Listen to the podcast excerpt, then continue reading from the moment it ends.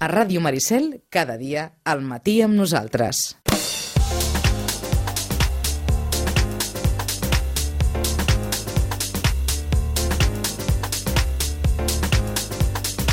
Amb el suport de la representació de la Comissió Europea a Barcelona, la Diputació de Barcelona, l'Ajuntament de Sitges, l'Oficina del Parlament Europeu a Barcelona i la Secretaria d'Afers Exteriors de la Generalitat de Catalunya, encedem la primera hora d'Europa del 2013. Joaquim Millan, bon dia, bona hora. Molt bon dia. Per Europa aquest 2013 no serà tampoc més fàcil que el 2012, eh? No, no, i de fet alguns articles que he pogut llegir darrerament en els mitjans de comunicació durant aquests dies de vacances parlaven de que possiblement el 2013 haurien de plantejar-se eh, d'una manera ja contundent eh, Europa serà o no serà i quina Europa serà, no?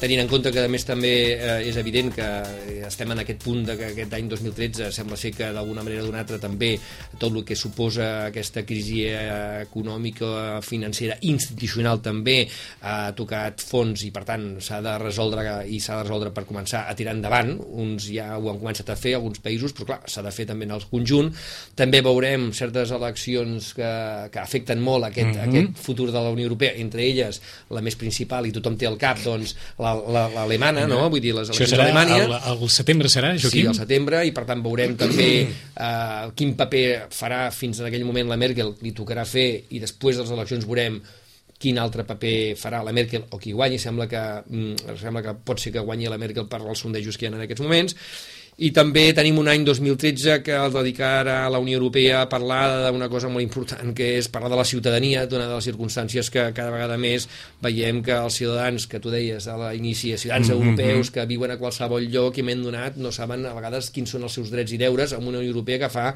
ja molts anys que camina, però que en canvi seguim preguntant-nos, bueno, jo, i, i de lo meu que hi ha, si jo estic aquí vivint allà amb un passaport de, etc etc. no? I per tant veiem que també aquest any europeu europeu el dedicarem justament a, a com s'exerceixen els drets i deures dels ciutadans europeus a la Unió Europea i sobretot com aquests ciutadans, que és el segon, el segon eix d'aquest any, eh, com aquests ciutadans poden participar o involucrar-se molt més en el que és la vida democràtica de les diverses institucions de la Unió Europea, no només anant a votar el juny del 2014, eh, que aquí també tenim una altra cosa, però el juny del 2014 que són eleccions al Parlament Europeu. I per tant, veure una cosa que poder a Sitges pot ser un tema molt interessant, perquè a vegades faig la broma jo quan vaig explicar, diu, bueno, aquell, aquell sitgetà que fa fer un Erasmus a Itàlia, coneix una Alemanya, una alemana mm -hmm. a Itàlia, s'enamoren i cometen allò de dir, va, va, casem, no sé, sí. a Itàlia, però, eh, un català, un espanyol, una amb alemana un, a Itàlia. Un, amb un règim Exacte, X que... Amb Itàlia, eh? Que després se'n van, troben feina a Brussel·les, se'n van a Brussel·les i tenen el primer fill a Brussel·les, no? I després, ostres, mira, ara la feina ens canvia, anem a Londres, no? I a Londres, desgraciadament, compren una casa i es divorcien. Uh -huh. no? Dius, bueno, com ho solucionem? pues imagina't tu ara mateix a mi ja, ja estic marejat, no?, de dir, bueno, quantes lleis, quants règims, però la Unió Europea ha fet alguna cosa perquè això sigui més fàcil? Poder aquest tema la gent pensa que és una excepció, però cada vegada aquesta excepció comença a ser més normal, perquè ens trobem que la mobilitat europea fa mm -hmm. que, i a Sitges poder, sí, sí. Eh, eh, ho veiem cada dia, pues, que, bueno, que hi ha ciutadans de, de diversos estats de la Unió Europea que es casen, conviuen, participen, compren una casa junts, etc que després per qüestions de mobilitat laboral se'n van, tornen, i evidentment quan hi ha un conflicte judicial el problema és trobar l'advocat quasi, quasi que, que entengui una uh -huh. mica d'això. Eh? Ah, I a veure com es pot trobar un advocat que n'entengui una mica. En eh, Joaquim en, ens n'ha buscat dues. I avui eh, ens ficarem, diguem-ne, no, no, no podem parlar d'un marc legal perquè ens trencaríem la closca directament, sinó de determinades singularitats o com s'aborda aquesta qüestió que dèiem d'una certa norma global aplicable a tota la Unió Europea enmig de les singularitats que pot tenir cadascun dels estats en les seves lleis. Sense anar més lluny, s'ha parlat fa ben poc de la qüestió de la llei del desnonament, que l'estat espanyol és una llei que té 100 anys i segurament en ben pocs països de la Unió Europea Europea es troben en circumstàncies semblants. Saludem primer, però, a Blanca Pedrós. La senyora Pedrós és advocada col·legiada al Col·legi d'Advocats de Barcelona des de l'any 96. És especialista en dret internacional privat, en comparació judicial internacional en l'àmbit civil i mercantil i en assumptes de dret privat amb elements transfronterers. O sigui que estaríem en el cas que ens deien Joaquim, amb persones mm, decididament que travessen fronteres i que, per tant, travessen marcs legals diferents. La senyora Pedrós presta els seus serveis jurídics en castellà, català, francès, anglès, alemany i parla italià i rus. Per tant, sobre la taula d'una advocada com Blanca Pedrós hi ha d'haver una casuística molt, molt, molt diversa. Senyora Pedrós, bon dia i bona hora. Bon dia. Si per molts ciutadans és complicat ja anar a l'advocat aquí, hem de suposar que per una advocada que té sobre la taula processos que en els quals intervenen persones de nacionalitats molt diferents, ha, ha de ser una qüestió prou complicada, no?, d'entrada? Sí, però bueno, ja m'agrada, ja. um, la llei a Europa és igual per tothom? Si agaféssim aquesta frase i dir a Europa la llei és igual per tothom? No, a Europa la llei és diferent a cada país, inclús a cada... hi ha determinats països on hi ha inclús diferents, diferents lleis en un mateix país en funció del territori, com passa a Espanya i a, i a altres països de la Unió Europea. Llavors, una mica, el que s'ha intentat a nivell, a nivell europeu és dir, bueno, ja que tenim lleis diferents en la major part de les coses, almenys posem-nos d'acord per determinar quan un cas tingui diferents elements que afectin a diferents països, estiguem tots d'acord en quina llei s'aplica i quins tribunals són competents. Mm. Eh, no és tasca fàcil aquesta, hem de suposar, eh? Sí, és, de fet és bastant complicat i de fet es van fent... Bueno, hi ha una, un moviment realment hiperactiu en aquest tema a nivell legislatiu comunitari. Eh, perquè, és clar, com a, com a especialista en dret, hem de suposar que davant del ventall legislatiu que hi ha en cadascun dels estats que formen la Unió Europea, hem de suposar uh -huh. que per determinades coses alguns estats deuen tenir des d'un punt de vista estrictament professional, una llei més adequada que d'altres, i, i per tant la millor llei potser seria la que combinaria determinades lleis o normatives de diferents estats de la Unió, no? Sí, que passa és que fer una, una llei eh, nova sobre coses de contingut, diguéssim, que sigui una, una barreja de lleis de diferents països és una cosa que costa molt, perquè evidentment cadascú es compra cap a casa. Uh -huh. A cada país li sembla que el normal no? és, el, és, el seu, és el seu plantejament, i sobretot en, en funció de les matèries doncs encara més. No? Llavors, una mica per, des del punt de vista pràctic, el que s'intenta és d'una banda sí intentar harmonitzar, però veient que això costa molt, doncs, doncs intentar doncs, eh, el que comentava fer aquest sistema de dir, bueno, encara que eh, un tema tingui diferents eh, vessants, intentem almenys estar d'acord que si es planteja un tema de tal tipus, amb tals elements, tothom estigui d'acord en que això es regeix per mm -hmm. tal dret i que ho decideixen tals tribunals de tal país. Uh, D'aquesta manera, senyora Pedrós, és més fàcil posar-se d'acord en tots aquells temes que puguin afectar a drets fonamentals d'entrada? Bé, de fet, aquests, eh, aquest tipus de normes afecten principalment temes civils i mercantils. Uh -huh. Hi ha altres àrees del dret que, són, que no són tan personals per entendre'ns com el dret administratiu, per exemple, que sí que, que depenen de cada estat. És dir, un tema administratiu que, que succeeixi aquí depèn del dret d'aquí, un dret administratiu eh, que passi a Alemanya de, depèn d'Alemanya, no? Vull dir, hi ha coses que són més institucionals i que depenen del país on estan. En canvi, els temes precisament de les persones, de la ciutadania, que acostumen a ser temes civils i després també bueno, en relació amb la seva vida professional són temes mercantils, és a dir, tot el que afecta la gent en el, en el seu dia a dia, uh -huh. sí que és el que forma part d'aquests aquest, reglaments comunitaris. Des del punt de vista de compra-vendes, herències, eh, mm. temes d'aquest tipus. Eh, sí. Fa un moment en, en Joaquim ens plantejava aquell exemple que, home, hem de suposar que no és, no és un exemple majoritari, però de ben segur que cada vegada es deuen donar més casos de uh -huh. persones que travessen la frontera, se'n van a treballar a algun altre estat, en aquest altre estat coneixen a una altra persona, eh, es relacionen, fan papers, o allò que en diríem fan papers, fan fins i tot testament. Eh, eh, assumptes d'aquesta mena eh, ja es poden fer d'una forma relativament senzilla en un altre estat que no sigui el nostre i pensar que això ja és vàlid de per vida? A veure, tots aquests temes, eh, que actualment són cada vegada més nombrosos, com vostè comentava ara mateix, són temes, de fet, eh, legalment complicats, però en els quals val la pena planificar. Mm. És a dir, per exemple, jo fins ara mm, portava molts temes de, de successions, però ja de tramitació de l'herència, el que comentava en Joaquim, doncs un francès casat amb una alemanya que sí. viu a Holanda i tenen fills a Dinamarca.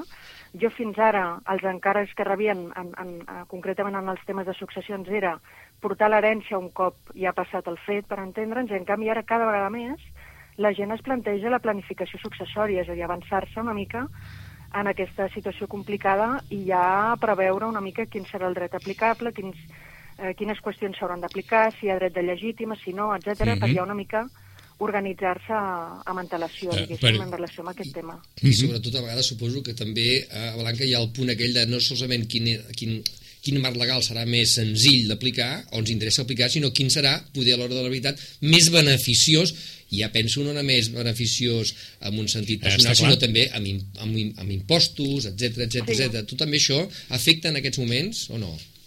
Sí, sí, la, la veritat és que sí, la gent es planteja aquest tipus de qüestions quan, quan ha de decidir aquest tipus de coses. I després també hi ha un altre tema que també, que també incideix, que són els canvis preci- precisament de, de normativa, perquè ara molt recentment s'ha aprovat precisament un reglament comunitari, un reglament de la Unió Europea, en el tema de les successions a nivell, a nivell europeu, Mhm. que a més canvia la tendència que fins ara era fos aplicable el dret de la nacionalitat del causant, és a dir, de la persona que mor, la seva Sí. nacionalitat, i en canvi ara es passa a la tendència de residència habitual, és a dir, on vivia aquesta persona. O sigui, Mm. inclús hi ha canvis de, de mentalitat que reflexen també en el dia a dia de la nova legislació comunitària que va sortir. Perquè, senyor, senyora Pedrós, on vivia vol dir on estava empadronada?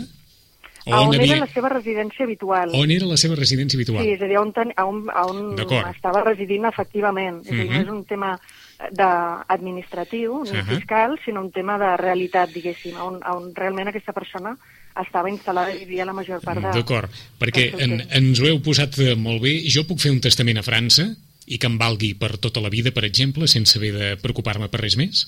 Sí, Sí. sí, sí, Eh, i quan es faci eh, correctament davant de notari o seguint les formalitats que corresponguin, sí. El que passa és que quan es fa testament en un país eh, diferent s'han de tenir en compte també una sèrie... Bé, ara no em vull estendre gaire, No, però... no, però- es- S'ha de tenir en compte també, per una banda, hi ha temes formals, diguéssim, quines formalitats s'han de seguir, doncs si és davant de notari o no, si ha testimonis o no, etc. que, bueno, això regeix pel, pel dret del lloc on es fa el testament, però també hi ha elements que han de complir els requisits que estableixi la llei dels països on això hagi de Mm. tenir efecte, de cara precisament a el que dèiem abans, de planificar i a prevenir doncs, possibles problemes en el futur. És a dir, s'ha d'analitzar prèviament i fer-ho de manera que, que sigui eficaç a, a tots els països on ens interessi que sigui eficaç. Això us pot passar igualment a aquella parella que, que es casa i després es divorcia i eh, cada estat tingui, òbviament, la, la seva pròpia llei i estableixi pàtries potestats en cas de tenir criatures, etc etc. Sí, Sí. el tema del dret de família precisament és l'àmbit on el dret internacional privat, és a dir, el, les normes que estableixen quin és el dret aplicable i quin és el tribunal competent, Mhm. són més complicades, perquè com que és un àmbit molt sensible, és a dir, per tots els països, el dret de família és la cosa més sensible, la número 1 en sensibilitat. I, per tant, realment és l'àmbit on ha costat més arribar a acords, perquè en altres àmbits, doncs, un contracte mercantil, doncs, bueno, més o menys, dir, els Mhm. drets són diferents, però bueno, hi ha uns principis que són comuns i no, no genera tanta sensibilitat. Però, en canvi, el dret de família sí. Llavors, una mica el que s'ha estat fent en els últims anys a nivell de Unió Europea és dir, bueno, anem fent trossos, no? Mm, Ja que no ho acordem tot sobre aquest tema, ara fem un reglament mm, cobrint només aquesta part, ara aquesta altra part. I inclús, recentment es va aprovar una, una nova norma que no era, és és un reglament comunitari, però no afecta els 27 estats membres perquè els 27 no estaven d'acord. Llavors van dir, bueno, què estem d'acord, 14? Bueno, doncs fem una norma que es diu norma de cooperació reforçada entre els 14 i després que es vulguin apuntant mm, ja s'anirà apuntant. Vull dir que realment el dret de família és l'àmbit on costa més trobar acords i una mica es fa d'aquesta manera fragmentada. Ens ho esteu argumentant d'una forma que, que gairebé, mm, diguem-ne, ens deixa dos camins. Per una banda, hem de suposar, senyora Pedrós, que en el futur la Unió Europea trobarà mecanismes per cada vegada unificar un, una mica més el que és eh, el marc legal de determinades situacions que puguin afectar els seus ciutadans. Això per un costat, uh -huh. però per un altre tenim la sensació que els propis ciutadans hauran d'assessorar-se molt abans de fer determinats passos a la seva vida en altres sí. estats que no siguin el seu propi de naixement. És així, això? Sí, és important. Sí. I a més eh, es poden prevenir molts problemes fent pactes previs. És a dir, fins fa poc sonava molt americà, per dir-ho així ràpid, el fet de fer eh, pactes prematrimonials, no? Ens, ens pensaven que ens diríeu això, eh? No, és que és veritat. És veritat. Per les pel·lícules. Com a les pel·lícules, sí, sí. És Clar. a dir, pensant si les coses van malament abans de començar-les a fer, Sí, gairebé, eh? sí. Sí. Igual que, és a dir, igual que es fa amb una empresa, no? Quan es crea una empresa, a veure, s'estableixen una sèrie de pactes, no? S'estableixen Ahà. uns estatuts, es diu com funcionarà, quines responsabilitats hi han, quins seran els càrrecs, bueno, s'organitza tot, no?, perquè la cosa funcioni.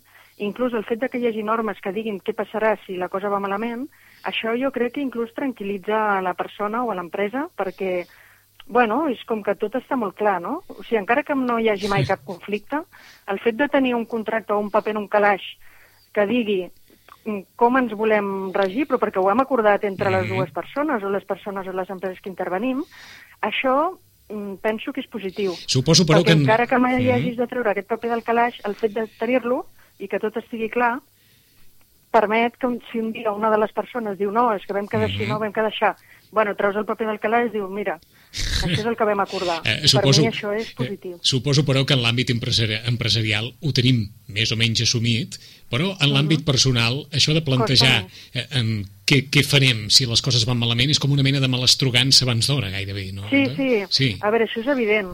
Quan, quan t'enamores, personal o professionalment, Esclar, Eh, allò d'ensenyar un paper i dir, escolta, mi si les coses no van, no, però sí que hem de començar, ja en parlarem, sí, no? Sí. realment sí que, que, que en aquell moment de, de l'eufòria eh, d'enamorament o de l'eufòria contractual o de l'eufòria de, de qualsevol tipus, doncs l'últim que et ve de gust és pensar en si algun dia hi ha problemes, no? Però jo, per experiència professional, que porto 15 anys Sí. exercint eh, exclusivament en temes internacionals, us puc dir que, que és molt important fer-ho. Inclús encara que sigui simplement pactar el règim econòmic matrimonial, ja soluciona molts problemes. Uh -huh. I Perquè afegiríem... moltes vegades ja es creen Ah. discussions, també inclús en aquest tema. I afegiríem aquí, suposo, la qüestió dels fills, si hi ha fills, etc etc. no? Sí, a Sí. veure, això sí que això sí que és més delicat, perquè, a veure, tu per avançat no pots saber exactament... Que, que, esclar, uh Clar, el tema dels fills és... I a més tu no pots... Eh, bueno, hi ha una sèrie de limitacions, no? Tu no pots pactar Sí. coses que siguin abusives, Eh, no? eh, doncs que, d'acord. clar, que, de, que per avançat mm, pactin que una de les dues persones per sempre més tindrà la custòdia i l'altra no, vull dir, són, Clar. són drets irrenunciables que no es poden pactar, però Ah. altres coses de, de la relació, de determinades coses, tal com el que comentava ara, no? el règim matrimonial, així de simple, comunitat de béns o separació de béns. Així ja no és una tens- cosa molt senzilla que val la pena pactar. Clar, així evites ja que la primera discussió sigui aquesta. Sí, sí. I puguis Exacte. entrar en la segona fase de la discussió i t'estalvies una primera fase que pot ser també complicada i llarga, no? Eh, Ens, Sí. ens costaria, però, de pensar en, en no ho sé, en una, en una parella que s'hagi casat, hagi tingut criatures i, i que els nens hagin de compartir una estada eh, en un país o en un altre país, no? Per sí, exemple. per això dic que el meu consell Ahà. professional, després d'haver vist moltes situacions personals, és en tots els àmbits, tant civil com mercantil, pactar les coses des del principi i, i que tot estigui clar. Vull dir, simplement perquè estigui tot clar i transparent. I evitar precisament això pre proble problemes, no? Mm. És una manera de prevenir els problemes. Eh, eh, això vol dir que us heu trobat en més d'una ocasió amb allò, aquella efervescència inicial que després eh, ha desaparegut i a la taula de l'advocada s'hi han trobat tots els drames personals de cadascú ficats així de cop i volta intentant resoldre'ls el més aviat possible, no? Sí. sí, sí, a més inclús de vegades la gent, inclús quan ja estan disposats a, a planificar les coses en, en diferents àmbits, inclús de vegades precisament aquesta eufòria inicial, eh, ja et dic, tant a nivell de persona com d'empresa, Sí. fa que es firmin coses que, que en realitat no, no es volen, no? Però vull dir, una mica perquè sigui més friendly, no? Més, més amistós, no? Escolta, ja que dues persones o, o, o a nivell particular o professional les se senten a una taula i decideixen una sèrie de coses, és molt important que siguin sinceres i que pactin realment el que volen. No? Jo m'he trobat, per exemple, amb casos de, de clàusules de contractes en, en les quals les parts se sotmeten a arbitratge, diuen que si en el futur algun dia hi ha algun problema, aniran a l'arbitratge. D'acord. I després arriba el moment i diuen, anem al jutjat. No, és que vostè s'ha sotmès a l'arbitratge. Com que m'he sotmès a No, L'arbitratge. no D'acord. perquè sonava molt bé a la, Sonava en el paper. molt, d'acord, sonava molt conciliador, eh? Sí, sí, sonava Eh, estupendo, però en realitat no era el que volia. Bueno, vull dir, val la pena posar realment el que, el que la gent vol fer, no? Eh, D'acord, dues, darrere, dues darreres qüestions, senyora, senyora Pedrós. Sí. Una, la, la bona voluntat no té pare ni mare i hem de suposar que a tots els estats de la Unió Europea hi ha gent amb bona voluntat, no? És a dir, que Eh, Aquí, Sí. diguem-ne, si hi ha bona voluntat, els processos eh, poden sortir bé a qualsevol estat de la Unió Europea si les persones que intervenen tenen bona voluntat de resoldre'ls. Eh, amb això estem d'acord. Sí, Sí. Segona, hi ha estats de la Unió Europea que tenen més interioritzat que altres aquests, eh, aquest argumentari que ens, heu de deix que ens heu deixat, aquesta previsió, aquest sentit de la previsió de futur. Hi ha ciutadans de la Unió Europea, estats, cultures que tenen més interioritzada eh, aquesta, no sé si dir, prevenció o aquesta visió més pragmàtica de les coses? sí, sí. Aquí, precisament, al nostre territori hi ha poca, poca idea preventiva. La gent acostuma a venir quan, quan ja és un tema que ja crema. I, en canvi, més cap al nord, per dir-ho així ràpid, tenen molta més mentalitat de, de prevenir i de, i de fer consultes i assessoraments previs, etc. O sigui, el nord d'Europa és més pragmàtic que el sud? Sí, eh, la meva experiència és que sí. Bueno, no només al nord, al centre també. Al centre I també. del centre cap amunt, diguéssim, tenen més, més tendència a fer, a fer consultes prèvies que, que no pas una mica com aquí, que hi ha una mica la tendència amb, amb tot, potser, no? A, Mhm. a, quan hi ha, hi ha un incendi ja anar a buscar el bomber, no? Però D'acord. no, Fins, i, no fi, fins i tot en això el tòpic no s'equivoca, eh? El No, nord d'Europa meva- i el centre d'Europa és més pragmàtic que el sud, eh? Sí, la meva experiència és que en aquest tema sí. En canvi, hi ha altres temes que també tenen incidència legal, en temes transfronterers, en què el tòpic no encerta. Uh -huh. perquè, per exemple, hi ha, hi ha qüestions a nivell, per exemple, d'informació, de registres, etc que funciona molt millor aquí que fora. Vaja, Sí, sí, hi ha coses que no s'expliquen gaire, però que aquí funcionen molt bé. com per A nivell, exemple, per exemple- a nivell de... Per exemple, registres de la propietat i registres mercantils, aquí funcionen perfecte. Està tot informatitzat, hi ha hagut tota una feina durant els últims anys en aquest sentit i funciona estupendament i en canvi eh, a, a, bueno, a França o a Alemanya mateix doncs no, no, és, bueno, és molt diferent, és Caram. molt més limitat, Bueno, no, no ara, ara, eh, eh, això és un consol, senyora Pedrós. Sí, sí, bueno, també, també hi ha coses d'aquest tipus, eh, i n'hi ha més, però bueno, ara podem posar aquesta com a exemple. Ja, està clar. Què creieu finalment per al 2013 que mm, li convé fer a la Unió Europea en matèria d'ordenament legal o en matèria del que toqueu cada dia eh, en el vostre despatx, si el 2013 hagués de deixar Blanca Pedrós un, un desig a les institucions europees eh, en l'àmbit en el qual treballa cada dia, quin seria? Ostres, doncs aquesta pregunta és una mica difícil perquè eh, en l'àmbit en el que jo treballo no només no els hi queden... Bueno, sí que els hi queden coses per fer, però vull dir que no, que no s'endarrereixen, sinó que al contrari. Vull dir, hi ha una, una activitat legislativa a Brussel·les que no para. Ara, just abans de Nadal, per exemple, va, es va aprovar un nou reglament comunitari el 12 de desembre, que es va publicar al Diari Oficial de la Unió Europea el 20 de desembre, d'un tema que jo comptava perquè forma part d'un programa que es diu el programa d'Estocolm 2010-2014 i jo que el comptava tenir aquest nou reglament el 2013 ja l'han fet ara el desembre del 2012 eh, que és també sobre la lliure circulació de sentències a dins de la Unió Europea que fa encara més àgil l'execució en un país d'una sentència dictada en un altre país. O sigui, inclús el que jo ja comptava pel Ahà. 2013 ja està fet. Poc temps, us, eh, poc temps us deu quedar, eh? Durant el dia. Eh, sí, la veritat és que la veritat és que és una feina entretinguda però, però també apassionant. Està clar que sí. Us, us saluda Joaquim Millan. Blanca. Moltes gràcies, Blanca, Molt. per col·laborar avui, perquè realment has estat molt pedagògic en les teves explicacions, eh? Moltes gràcies. Molt agraït. Hem saludat a Blanca Pedrós. Fins la propera. Gràcies. Fins la propera. Adéu-siau. Bon dia.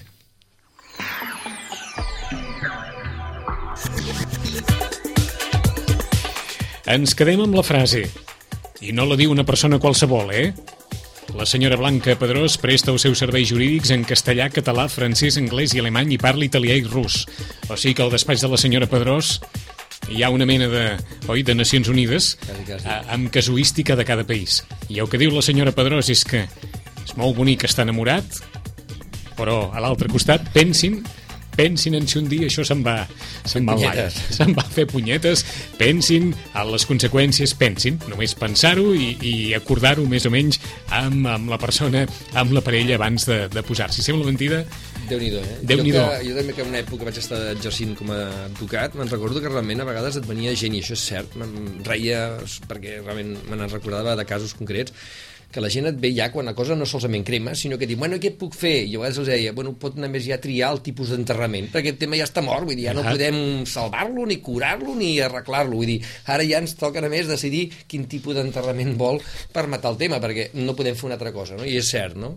Inclús aquí hi ha la tendència a vegades a no fer el testament, perquè et dona la sensació que el dia que vas a fer el testament, com que ja et Ah, diuen, exacte. hauries de fer testament, papa, dius, estan esperant, aviam, primer que em mori i segon heredar, no? No, s'ha de preveure, perquè després pot passar qualsevol cosa, Déu no vulgui, i passen aquestes coses, i trobes un problema familiar, patrimonial, eh, i a més ara, tal com està cosa, les coses, Hisenda, t'ho xupa tot, vull dir, clar, un problema. Doncs interessant la reflexió, sobretot en el sentit de aquelles persones que creguin o que vegin el seu futur en algun país de la Unió Europea pel que sigui, futur laboral, que comprin un pis, que comprin una casa, que s'emparellin amb algú, que pensin en allò de fer papers, perquè si no es fan papers, després els papers els cauran al damunt i les seves conseqüències. No marxem del món del dret. Saludem Carme Moliner, la senyora Moliner és llicenciada en Dret Europeu per l'Institut d'Estudis Europeus de la Universitat, de la Universitat Lliure de Brussel·les, és expresident de la secció de Dret Comunitari de l'Il·lustre Col·legi d'Advocats de Barcelona, advocat de Barcelona, sòcia del despatx d'advocats i economistes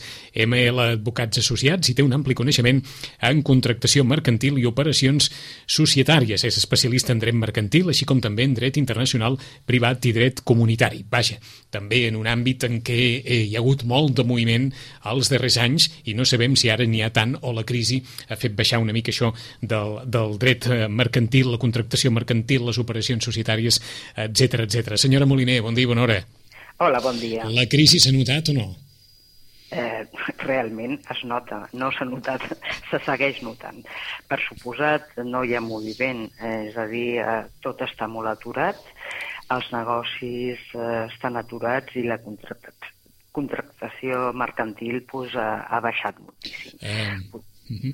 Que heu vist O sigui coses eh, durant aquests darrers anys? Que heu vist coses al despatx que, que mm, us haguéssiu pensat en algun moment que no veuríeu mai? Operacions o coses d'aquest... Sí, la veritat és que sí. eh, home, sí. La veritat és que sí, és molt... És, eh, estem en un moment molt complicat, ja, ja portem de, de, de fa dos o tres anys, quan amb l'empresari que li has preparat tota una operació, que, que l'has acompanyat a signar uns grans contractes, uns contractes per la seva empresa, que li donaven una viabilitat, resulta que de repent ja no serveix absolutament res. I no, no em refereixo als casos que estàveu parlant abans de que no s'ha previst, sí, Sí. Mm, perquè em, generalment al món empresarial pues, es preveuen moltíssimes coses, hi ha, contra, hi ha contractacions i de més, però quan veus que aquell gran contracte de distribució eh, del, que, del qual vas treballar normalment, tant tu com el client ja no porta res perquè no es distribueix res, és a dir, no es ven, doncs el, anar enterrant empreses és, eh, clar, és un tema que mai eh, podíem pensar els advocats en què eh, doncs de repent els nostres clients ja no existeixen. Això és, eh, és la, eh, la cruda eh, realitat. El que passa és que hem de buscar nous camins.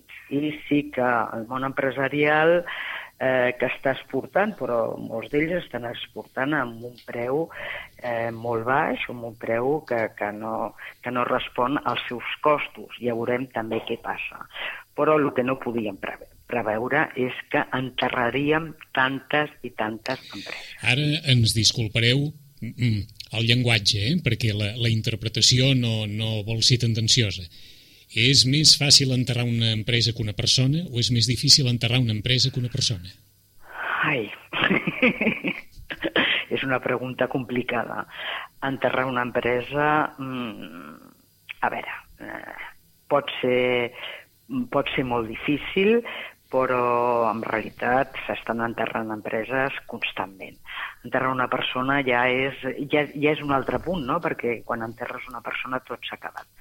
Una empresa, doncs, l'empresari pot eh, tornar, i si, i si és un empresari com cal, un emprenedor, pot, pot tornar a aixecar el cap i a mm, començar un nou negoci. Eh? Per tant, eh, no m'agrada la comparació. Uh -huh. En qualsevol cas, un empresari pot tornar a aixecar el cap però ara és més difícil que mai aixecar el cap quan una empresa ha tancat, perquè molt probablement eh, aquell empresari o aquell emprenedor que ha aixecat aquella empresa se'l mengen els deutes i poques possibilitats pot tenir a vegades de poder-se'n en sortir, no? Home, efectivament, quin problema hi ha en aquest moment? Pues que no hi ha, liqui... no hi ha liquiditat, no hi ha diners, no hi ha crèdit. L'emprenedor necessita, eh, necessita eh, tindrà una, una ajuda, eh? una ajuda bancària que eh, la, la, la pagarà també, eh? però un crèdit que l'ajudi a començar el seu negoci. Què passa? Que, molt, que amb el, com que ja no tens diners propis perquè amb l'empresa que has enterrat mm -hmm. ja, te, ja els has acabat tots, eh? pues, tornar a trobar crèdit, tornar a trobar diners per començar un, un, una, nova, una nova línia de negoci pues, està fent realment molt costós i molt difícil. Després també hi ha un problema mm, horrorós que és com es paga com, com es paga en aquest país. O sigui, eh, les, eh, les empreses com estan pagant, a, a quants dies paguen, no? Les grans empreses ens estan pagant quasi a 200 dies. Dir, clar, és, és impossible, no, no es pot aguantar. Eh? O, canviem, o canviem de mentalitat. Eh, els bancs realment tornen a funcionar, eh? a funcionar amb, el que és, amb el que tenen que fer i per, per al que estan rebent diners. Eh? Diners tant de, de diners públics, no? I també eh, que, diners moltes vegades que procedeixen de, del Banc Euro, Europeu d'Inversions. És per ajudar a les empreses. És perquè l'empresa que tingui un, un, bon, un bon projecte pugui començar i se l'ajudi a començar. I, a més, recordem que són préstecs, és a dir, que l'empresa ho retornarà. Eh? Però ni així, no hi ha manera. En aquest moment tot està tancat. Eh, amb, sou llicenciada en dret europeu, heu mirat molt a Europa, eh, cada vegada que aquí s'ha parlat de la legislació sobre desnonaments o la legislació que empara els desnonaments? A veure, mm, sí, s'ha mirat, s'ha mirat. Eh, jo diria que, i aquí vull, vull, vull posar el, en primera línia el Col·legi d'Advocats de Barcelona, el qual ha estudiat i ha mirat eh, totes les causes en què realment eh, eh, defendre el ciutadà. Eh? Eh, com defendre amb la nostra legislació el ciutadà i com, eh, bueno, i per, i, per suposat, la, el dret comunitari també és legislació del ciutadà català, del ciutadà espanyol i del ciutadà europeu. Per tant, sí, mm, des del Col·legi d'Advocats ho hem regirat tot per buscar solucions, Mm. perquè realment tota aquesta història dels desnonaments són, és, és, una, és una història molt I- trista i- i això- que no hi ha manera Ahà. d'aturar-la. Eh? I, I això com es pot resoldre, senyora Moliner? Bé, bueno, en aquest moment tenim una qüestió, eh, una qüestió important que ha sorgit eh, ja fa uns mesos gràcies eh, també a un jutge innovador i un jutge que sempre pensa una mica més enllà del, eh, del, del que es pot fer, que és el jutge del jutjat mercantil número 3 de Barcelona, en el que pues, va exposar al Tribunal de Justícia de la Unió Europea una, una sèrie de preguntes o interrogants que tenia ell sobre la legislació espanyola amb el tema de, la, de les hipoteques, eh? Eh, eh, de, si de ens- l'execució Mhm. de l'execució I, hipotecària. per- si ens permeteu, fem un parèntesi aquí perquè tothom eh, ho, ho puguem entendre. Què és aquest Tribunal de Justícia de la Unió Europea i quin paper pot exercir cada vegada que un, un jutge d'un estat li, li fa una pregunta o li eleva una, una pregunta? A veure, el, el Tribunal de Justícia de la Unió Europea, mm, en aquest cas, el que és, és el l'únic que pot inter, interpretar la, la, la norma comunitària. I què Mhm. vol dir aquella norma comunitària i com pot influir la norma comu- comunitària Tària. a la legislació de cada un dels estats membres. Entesos. O sigui que de- o sigui que d'alguna manera El que, el que esteu exposant pot donar com una hipòtesi de futur que el Tribunal Superior de Justícia de la Unió Europea entengui o interpreti que la normativa sobre la qual s'estan sustentant ara tants desnonaments no és ni justa, ni adequada, ni moltes altres coses? Efectivament, efectivament. Eh, I el, eh, tot és, eh, o sigui, el tema està engegat, eh, ja hi ha unes primeres conclusions, eh, unes conclusions que no són una sentència, però estem esperant que durant aquest mes de, de, de gener ting, es tingui una sentència del Tribunal de Justícia de la Unió Europea en el qual, bueno, segons, eh, segons pues, aquestes conclusions que, que són de, de novembre del, de, del 2012, ens estan dient pues, que la nostra, el nostre, la, la nostra manera d'actuar, és a dir, la llei espanyola eh, no, no, no és... No, és una llei abusiva, abusiva pel ciutadà que està patint aquesta execució hipotecària. Ara, ara us preguntem, i segurament us ho deveu haver plantejat com a professional i amb els col·legues professionals. Cal que Europa digui això? O veritablement aquí eh, eh, l'advocacia, eh, eh, vaja, la professió pensa és que de fet no cal que ho digui Europa perquè és evident que és una llei abusiva aquesta. Efectivament. Efectivament. Efectivament. efectivament. Però Europa, Europa d'alguna manera, eh, què farà? Posarà eh, les bases perquè els precs de, de molts advocats i de molts jutges no només siguin escoltats, sinó que es converteixin en llei d'alguna manera? Que es converteix... A veure, que es converteixin en realitat. O sigui que eh, la, aquestes clàusules abusives mm. de les hipoteques pues, que mm, es, es, es revoquin i que el ciutadà que té un problema d'impagament pugui defendre's. Mm? O sigui, Europa pot dir, escoltin, acabin d'una vegada i facin l'adhesió en pagament i s'acabar la discussió, per exemple? No, no, no això no ho dirà Europa. Això no ho dirà Europa. Europa. No, a veure, això no ho dirà Europa. això, el que... Ara, eh, què passarà? Era demanar massa, no? això, era demanar massa. Mm, bueno, no, però no? els bancs, tampoc, els bancs els bancs faran el que ara ja estaran quasi quasi obligats, a no, a no ser que vulguin tindre uns procediments judicials molt, molt llargs uh -huh. i que mm, pues, al cap de 6 o 7 anys finalment el tribunal, eh, el tribunal no li dongui la raó. Eh? Eh, aleshores, pues, eh, el, el banc s'espavilarà, perquè ja sabem el que fa el banc o la, caixes sí. és intentar pues, buscar eh, el millor per ell mateix. Per tant, la dació en pagament serà moltes vegades la solució. Eh? D'acord. Eh? Us ho preguntava perquè en la circumstància actual, amb, tant desnon, amb tants desnonaments que hi ha cada dia, amb la necessitat de solucions relativament urgents, quan pot, d'alguna forma, o fins a quin punt, eh, eh, la resolució d'aquest Tribunal Superior de Justícia de la Unió Europea eh, es pot fer més o menys efectiva en la nostra vida quotidiana i, i que es pugui parlar d'una certa solució a, a tots aquests casos que, que estem vivint cada dia? A veure, eh, la sentència la tindrem molt aviat. En aquests moments, eh, sí, eh, molts d'aquests procediments s'han aturat i estan aturats en espera de que el Tribunal de Justícia de la Unió Europea resolgui. Eh?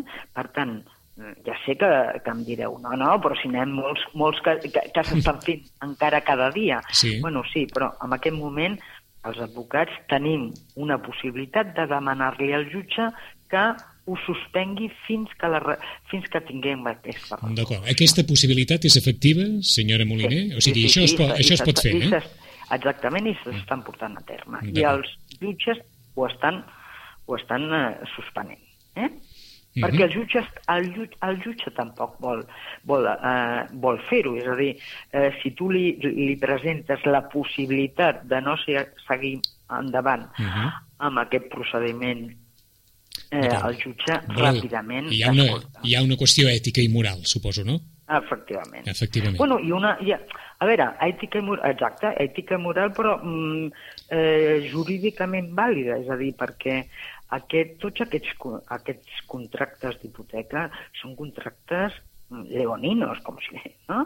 Són contractes on el, al, al privat, al que demana la hipoteca, sí que és veritat que és el que diuen els bancs. Escolti, vostè va rebre els diners, Sí. eh? I vostè amb aquells diners doncs, ha pogut comprar-se comprar-se una casa. Sí, d'acord, era el sistema que teníem. I, I si els bancs el van seguir, és que ells tenien, te, eh, tenien molt, molts punts positius. És a dir, el banc no ho va fer per perdre, sinó al contrari. El que passa és que en tots aquests contractes pues, hi ha unes clàusules totalment abusives, són uns contractes que el, el consumidor no, ha, no sabia ni entendre, eh?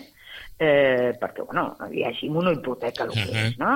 O sigui, jo diria que ni, ni, ni juristes Juristes. és de, és, de, és de ràpida lectura, no? Eh, Perquè- un, una, una qüestió final, senyora Moliner. Hi ha algun estat d'Europa que veritablement tingui un, un model de llei ja no diré hipotecari o que contempli tota aquesta qüestió dels desnonaments o de la dació en pagament, que pugui esdevenir un, un referent per, per la resta?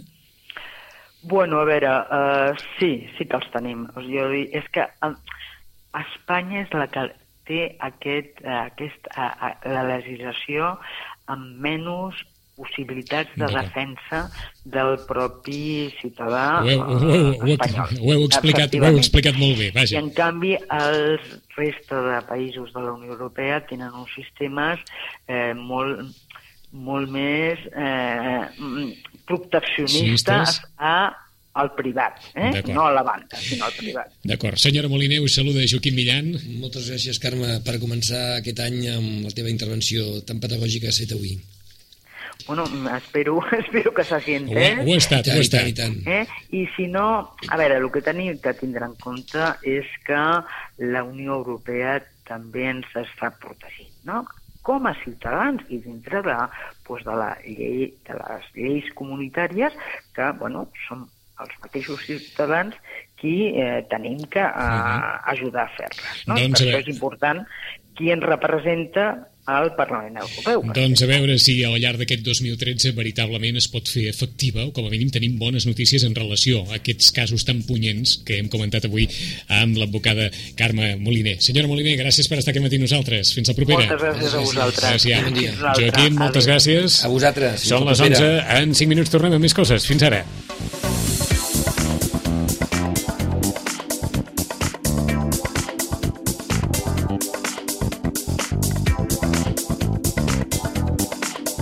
Ràdio Maricel, cada dia, al matí amb nosaltres.